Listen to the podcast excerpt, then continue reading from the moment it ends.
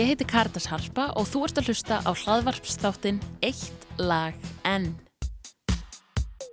Ég talaði um það í lók síðasta þáttar að ég kæmi til með að taka hvern og einn keppanda fyrir í örlittla yfirheyslu í vonum að kynnast hverjum og einum þó það væri ekki nema upp betur. Þessa vikuna ætlum við að einblýna á fyrri undanúslitt sem fara fram næstkomandi laugardag eða 9. februar í Háskóla Bíó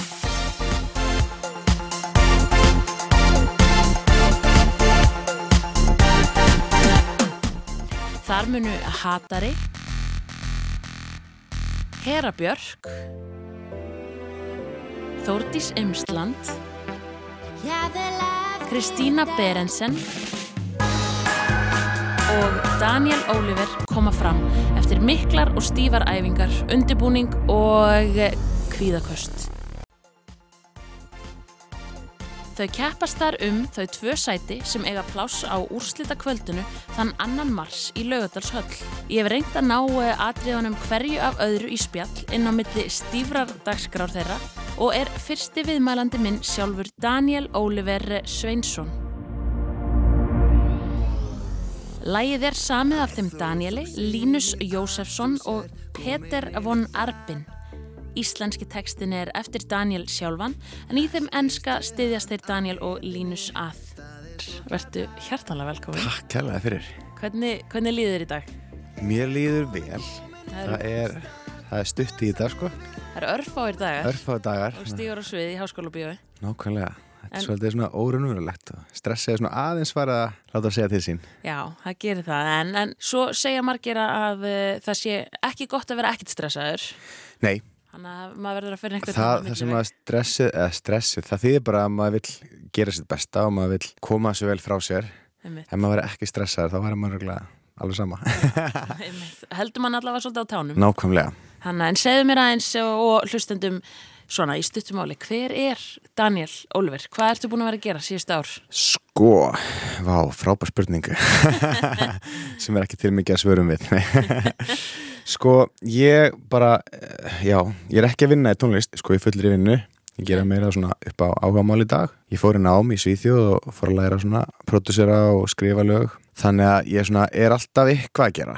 Og ég gaf út tvö lög í fyrra sem að hérna mér þykir úr væntum og já, ég svona gefa út öru kvoru lag sem ég finnst skemmtilegt og svo þegar ég fæ tækifæri eins og þetta að þá grípi það náttúrulega og bara, þú veist, þetta er óslægt skemmtilegt þannig að ég ætla ekki að kvarta Nei. en ég er líka bara með veitingastæði Viki Mýrdal sem ég opnaði fyrra með mömmu minni Já, ok. og þar erum við bara búið til súpur og salut og þannig að þetta er svona tvöfald líf sko Og býr þá í þannig að ég bý núna í Vík við erum með íbúi í Vík og við erum með en mamma og íbúi í bænum líka þannig að við förum svona svolítið að milli og skiptumst á að vera á staðnum og skipa hinnum fyrir. Þannig að það er alltaf að nógum að vera hjá þér, þú sérst kannski ekki alltaf að syngja. Já, já, já, og svo býr kærastinn í Svíþjóð þannig að ég fer reglulega þanga líka og, og við eigum íbúð þar. Við reyndar, hún fór á sölu í dag þannig að hann ætlar að koma að búa í Íslandi í svona hálft ár. Ok. það verður mjög spennandi að sjá hvað hún finnst um að vera á Íslandi.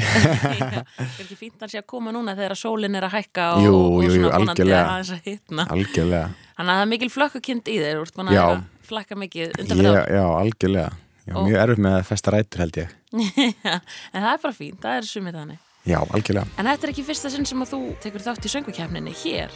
nei, ég tók þátt 2015 og þá var ég mitt líka með tvær sænska stelpur með mér Emily og Karolín og við vorum með lagsmítna fyrir alla. Og var svona, já, svona skemmtilegt svona lett danslag myndi ég segja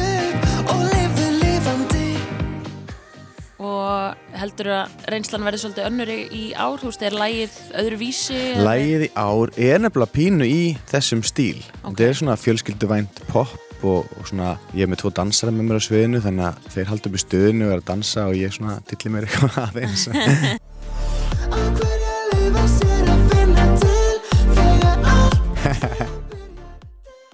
að þú ætlar að dilla þér smá. ég ætla að dilla með smá sko, en ég, það var svo fyndi, ég fór á fund með hérna mönnum Rúnari sem að er yfir maður keppninar og hann sagði við mig, heyrðu, ég ætla að beða þig um í ár að ekki dansa neitt allt um mikið. ég bara, ha, dansa ég svona illa síðast en það var, það var ekki það það var af því að þegar maður er að dansa og syngja á sama tíma þá náttúrulega er söngurinn kannski ekki alveg n- Já. eins góður og þannig að núna ætla ég að einbytta mig meira söngnum og kannski dilla mér aðeins og síðast var ég veikur líka ég var með streftukokka þegar ég kefti síðast og það var hræðilegt það er bara, það er bara svona martröð hvers tónlistamanns að vera veikur rétt fyrir rétt fyrir gig Og líka eitthvað svona eins og streftakokkar. það er Já, og það er erfitt að losna við það. Ég fór í svona stera innundun og ég fekk sprautu og, og pillur og eitthvað. Þannig að þetta var svona rétt svo reddaðist en það var mikið álag bara að gangi gegnum það rétt fyrir keppni. Þannig að núna er ég bara, ég held mér frá börnum til dæmis og ég fer ekki á svona fjölmenna staði og ég er alltaf að setja spritta hendunar. Þú kefti svona grímu í Já, apótekinu, nákvæmlega, vera eins og hérna, vera eins og, hvað þetta er ekki, Asjubúðinni sem að er með grímur að- Já, að oft út af mengun. út af mengun og líka út af því að þeir eru kannski sjálfur slappir og þeir eru svo ótrúlega kurtisir að þá Ah. setja þær á sig sko grímu til þess að þeir sé ekki að smita aðra. Mér það ógíslega flott Já. svona flott hugsun á bak við það. Ég kannski ætti að gera það, bara að passa mig. En þannig að þú ert að vera duglegur að passa að sofa vel og drekka náttúrulega vatni og taka vítamín og... tek vítamin og oljur og ég kefti engi fyrir og sítrunu í gær og ég ætla að vera hérna óvitað á þessu bara fram að kemni verður í fulli fjöri á lögadaginn já, við Já, ég, ég er mjög spennt að sjá. Hérna, getur þú sagt okkur aðeins frá kannski læginu, hvernig kemur Já. það þú veist, til, þú veist, hver er svona sagan á baku Sko, þegar ég fór í námið í Svíþjóð þá hitti ég tvo stráka sem að hérna, miklu yngri en ég, sko tvítur, rétt rúmlega tvítur Ótrúlegt að bara tala við þá, þeir eru svona yngri. Bara ótrúlegt sko. Og við bara smullum saman bara bæði tónlistalega og bara erum rosalega góði vinnir og þetta lag er svona eitt af þeim fyrstu sem við sömdum saman. Þannig að hérna, það er ótrúlega gaman að vera með svona collab með sagt, einhverjum úr öðru landur því að núna eru þeir að koma hinga til Íslands fjölskyldunum þeir eru að koma líka og það er svolítið húlum hæg kringum þetta og, og það er ótrúlega skemmtilegt. Þannig að þið verðum með ykkar eigin Við verðum bara með, já, við verðum bara með hérna, okkar einn svona veislu og alla fjölskylduna með okkur og svona, þannig að þetta er mjög skemmtilegt. Ok, og lægið, það heitir á íslensku? Lægi heitir Samt ekki og á, á íslensku og á ennsku heitir það Likki Likki.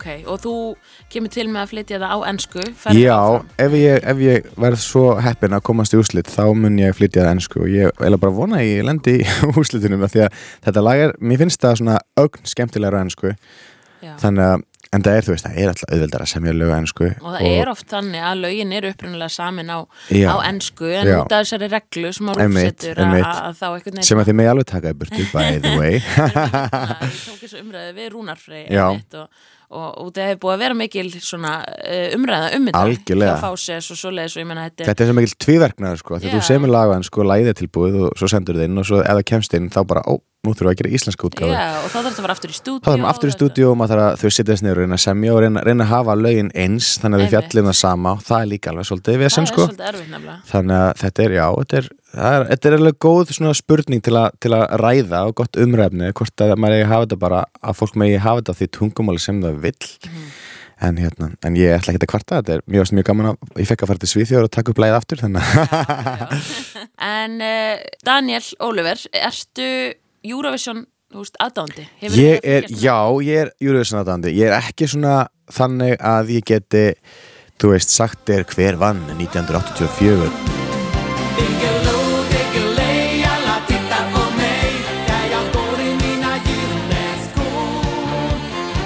eða hvaða lag, þú veist sló í gegn.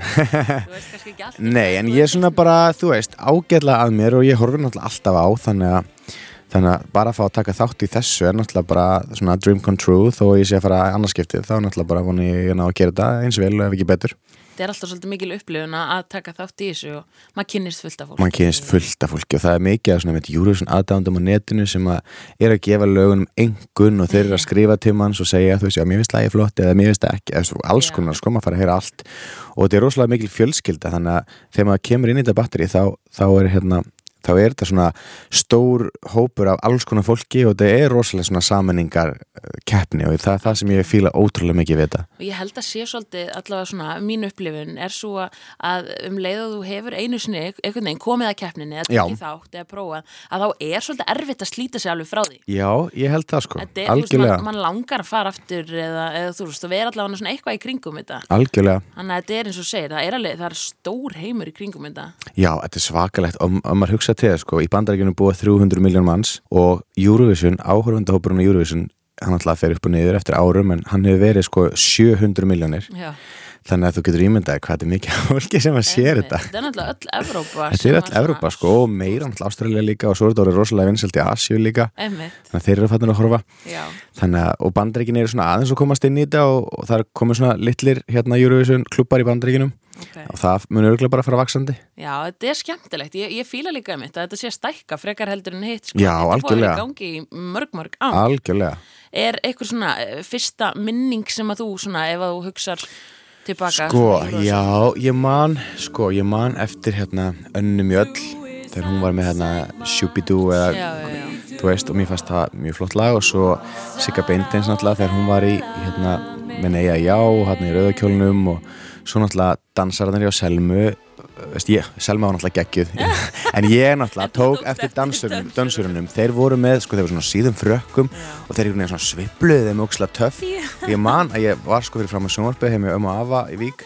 Ég man að ég hugsaði, vá, ég ætla að vera með einhvern Já, og þarna, já. þetta er þá 99 emmitt, þannig að það er alveg langt síðan ég fekk áhuga á Eurovision. Emmitt Meðan ég þóttist þér að Selma, þá varst þú hérna í frökkunum Já, ég fór alveg dansinn bara örgli flýspissu eða eitthvað og bara sveiflaði mér sko Ég held að verður allir krakkar á þessum tíma á einhvern hátt uh, leikið, endur leikið algjörlega, sko. algjörlega Þannig að, en uh, þetta er svo, er alltaf erfið spurning, þú veist, áttu, áttu þér eitthvað uppáhaldslag í gegnum árin? Já, sko, ég er búin að segja þetta áður en já, sko, draumur um nínu það Já. er, það áalveg svona stór þú veist, stað í hjarta mínu þannig að ég held mjög mikið upp á það og svo náttúrulega Euphoria, sænska lagið, ég bjóði Svíþjóð þegar það, hérna, þegar það kom út og fekk þann hefur að kynna Slóriðan þegar við vorum að syngja saman á Pride í Stokkólmi 2012 Gaman. þannig að þá held ég náttúrulega mjög mikið með því og svo náttúrulega þegar Jóhanna Guðrún fór út og það var ótrúlega, hugsaður hún var tvítug og hún syng bara, söng eins og Selin Dion hún var svakalig rödd Þannig að- komið mikið að rosalega flottum lögum út úr þessari keppni. algjörlega, algjörlega er alltaf svo gaman einhvern veginn að fylgjast með því og, og lög sem að lifa Þú veist, eins og draumur nínu, þetta er bara þetta er bara eins og þjóðsöngur hérna á Íslandi, það er ekki þetta ef, allir ef og, þetta kemur á þá hlustast það er enginn sem skiptur um stöð ef þetta lag er í gangi, alls og er ekki enginn sko. sem ekki syngur með og syngur Nei, vittum nákvæmlega. tíma þarna, ó,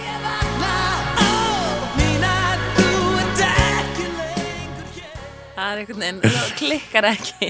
Nákvæmlega. Uh, leitar þér, uh, er, er eitthvað sérstakt sem hún leitaði svona innblásturs í, í tónlistinni sérstaklega? Áttu þér einhverja sérstakka fyrirmyndir í þessu?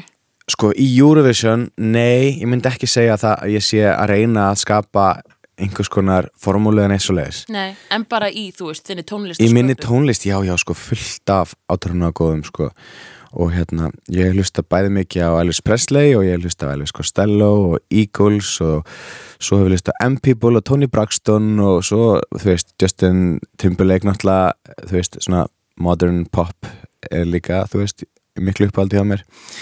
Og svo bara, þú veist, ég fíla allt sko, frá Janet Jackson til Michael Jackson og Britney Spears og bara, já, ég er rosalegur aðdáðanda poppi og ég er meiri þess að bara frekar vel að mér svona þegar ef fólk verður að tala um svona, þú veist, nútíma poptónlist, þá veit ég bara býstna mikið, sko. Já, kannski viðandi þá líka mitt að fara til Svíþjóðar Já, það var líka, það var sko örlegu smári, hann náttúrulega með lagakeppninu núna með Heru, við unnum saman svolítið 2010 og 11, 2011 flutti ég oktober og það var örlegu sem segði við mig hérna, því við vorum að búið lögu ennsku og þau voru ekkert að fá neitt droslega mikla spilun í útvarpu í Íslandi.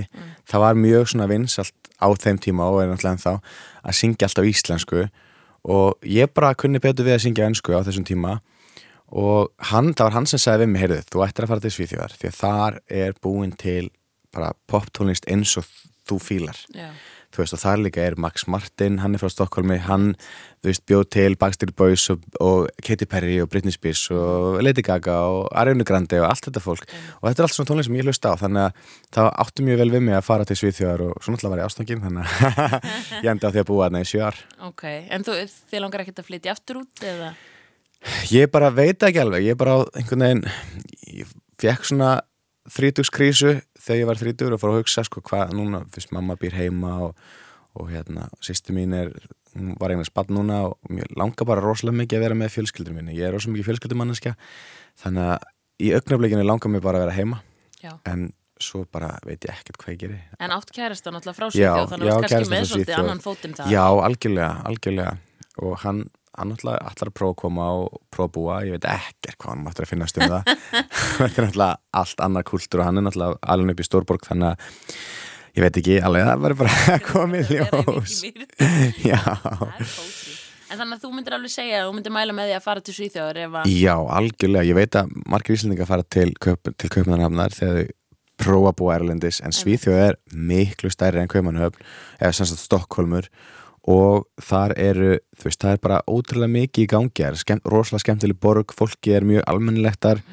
Og hérna, og ég bara mæli klárlega með Svíþjóð svona ef maður vill prófa að búa í öðru landi. Og tala nú ekki um að maður hefur mikinn áhuga á tónlist. Nákvæmlega, mér er mikið áhuga á tónlist. Og það er líka, þú veist, það er svo mikið svona það er ekkert rosalega mikið tónlist að snoppi í gangi í Svíþjóð. Allir sem vilja gera tónlist, þeir hafa mjög greiðan aðgang að því. Og þegar þú ferð, ferð í stúdíó þá hérna, þá eins og til dæmis mitt stúdíó í Stokkólmi er með sko það er 40 önnur stúdíó í sömu byggingu. Já, stærsta svona compound í, í Stokkólmi og þar hitti ég, þú veist, alls konar prodúsera sem eru bæði sem eru að gera, þú veist, lög fyrir Eurovision og sem eru að gera lög fyrir Japan, ég verið að gera smá svona J-pop líka og það er rosa gaman. Og svo eru líka hann að strákar og stelpur sem eru að gera bara svona lög fyrir risastóra listamenn í bandaríkinum og út um allan heim. Og það er ekkert svona eitthvað, heyrðu, ég er betur en þú eitthvað, veist, Nei. allir tala saman, allir deila reynslu og allir hérna vilja hjálpa stað. Og það mætti alveg verða aðeins betra á Íslandi. Mér finnst það náttúrulega að vera um svo lítið land að það er oft svo mikið samkeppni. Og þá er fólk svona þú veist, kannski heldur svolítið að sér er ekkert endilega rosalega mikið spennt fyrir að kynnesmanni eða, eða tala við mann um tónlist sko. Allir svona pínu í einhotni eitthvað að reyna með það. Og mér fannst ótrúlega gaman mér fannst ótrúlega gaman að, sjá hvað þeir eru opnir. opnir fyrir einmitt bara umræðu og fyrir að tala og fyrir að deila með sér og gefa af sér og, og það, það, ég elska það Ég held að það sé líka svo sniðut um að vera í svona rýmum. Ég veit um það er eitthvað, er nokkur rými hérna í Reykjavík sem eru reyndar ekki svona stór. mm En einmitt að deila rýmum með öðrum tónlistamönnum, maður læri svo mikið af því og, og einmitt þetta að kynnast og þú einhvern veginn færð og við erum með og maður getur veginn hræst svo inn í þessu þegar maður er bara einn í þessu sko. nákvæmlega. Og við erum með svona samæðilegt Facebook chat og það er á hverjum degi þá er einhver sem skrifar hei, nennir einhver að koma inn í fjögur, nummer fjögur og spila gítar hérna, smá gítarsól og, og þú veist, og svo bara hoppa fólk að milli og, og svo er alltaf að koma hérna, hei, það er komið nýtt kaffi þú veist. Og þetta er bara eins og fjölskylda og mér finnst það ótrúlega skemmtilegt. Þannig að hver veit nema ég hérna, já, fari aftur út og, og reyna að þess að að gera meiri tónlistar Já, allavega, þú ljómar allir á því að tala um þetta. Já, Þannig þetta er ótrúlega gaman sko. Það greinilega hefur mikil áhrif. En, en hvað svo? Núna hérna er undankeppnin. Já. Þú tekur þátt núna 9. februar. Já, Og svo eru úrslitin... þau eru annan mars, þannig að það er svona 9. februar og svo er vikuna eftir held ég 16. februar og síðan koma tvær vikur á milli og svo eru úrslitin þá annan mars Hvað. Hvað sérðu fyrir þér að gera svo eftir Eurovision? Ótrúlegt en sagt, þá munið að taka endi.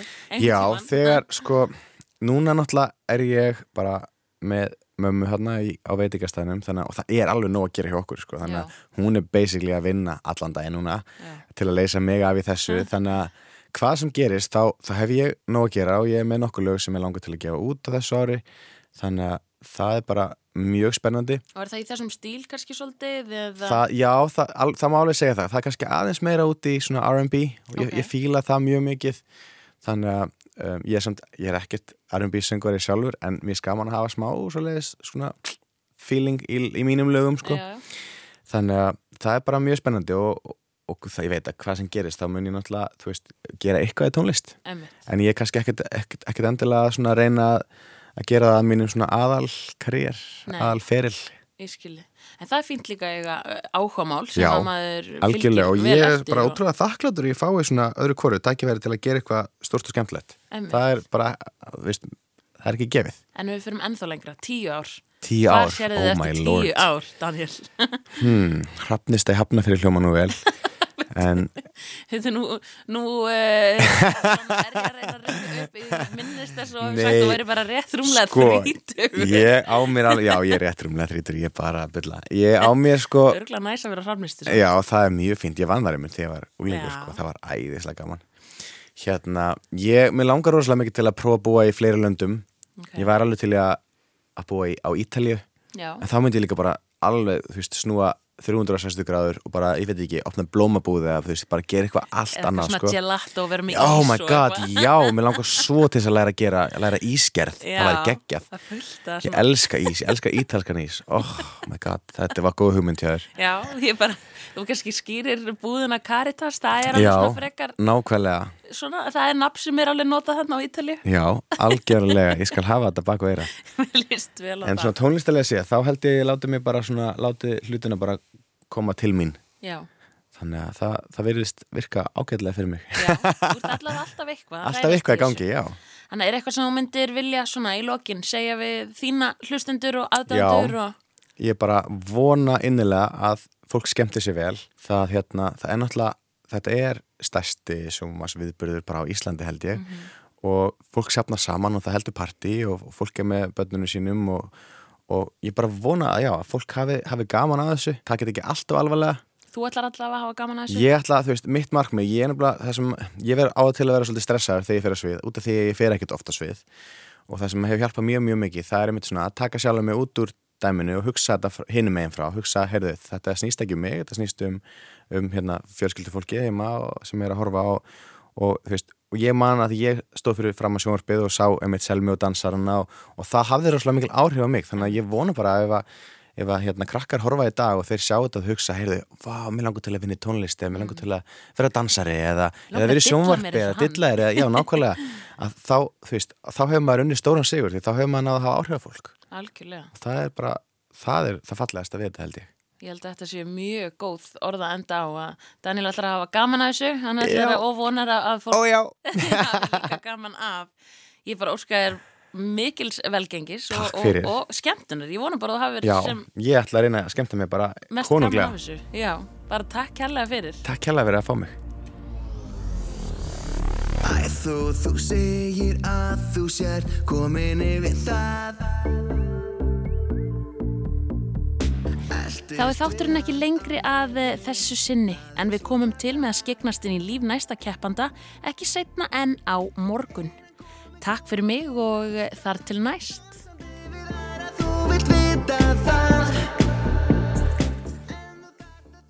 Eitt lag en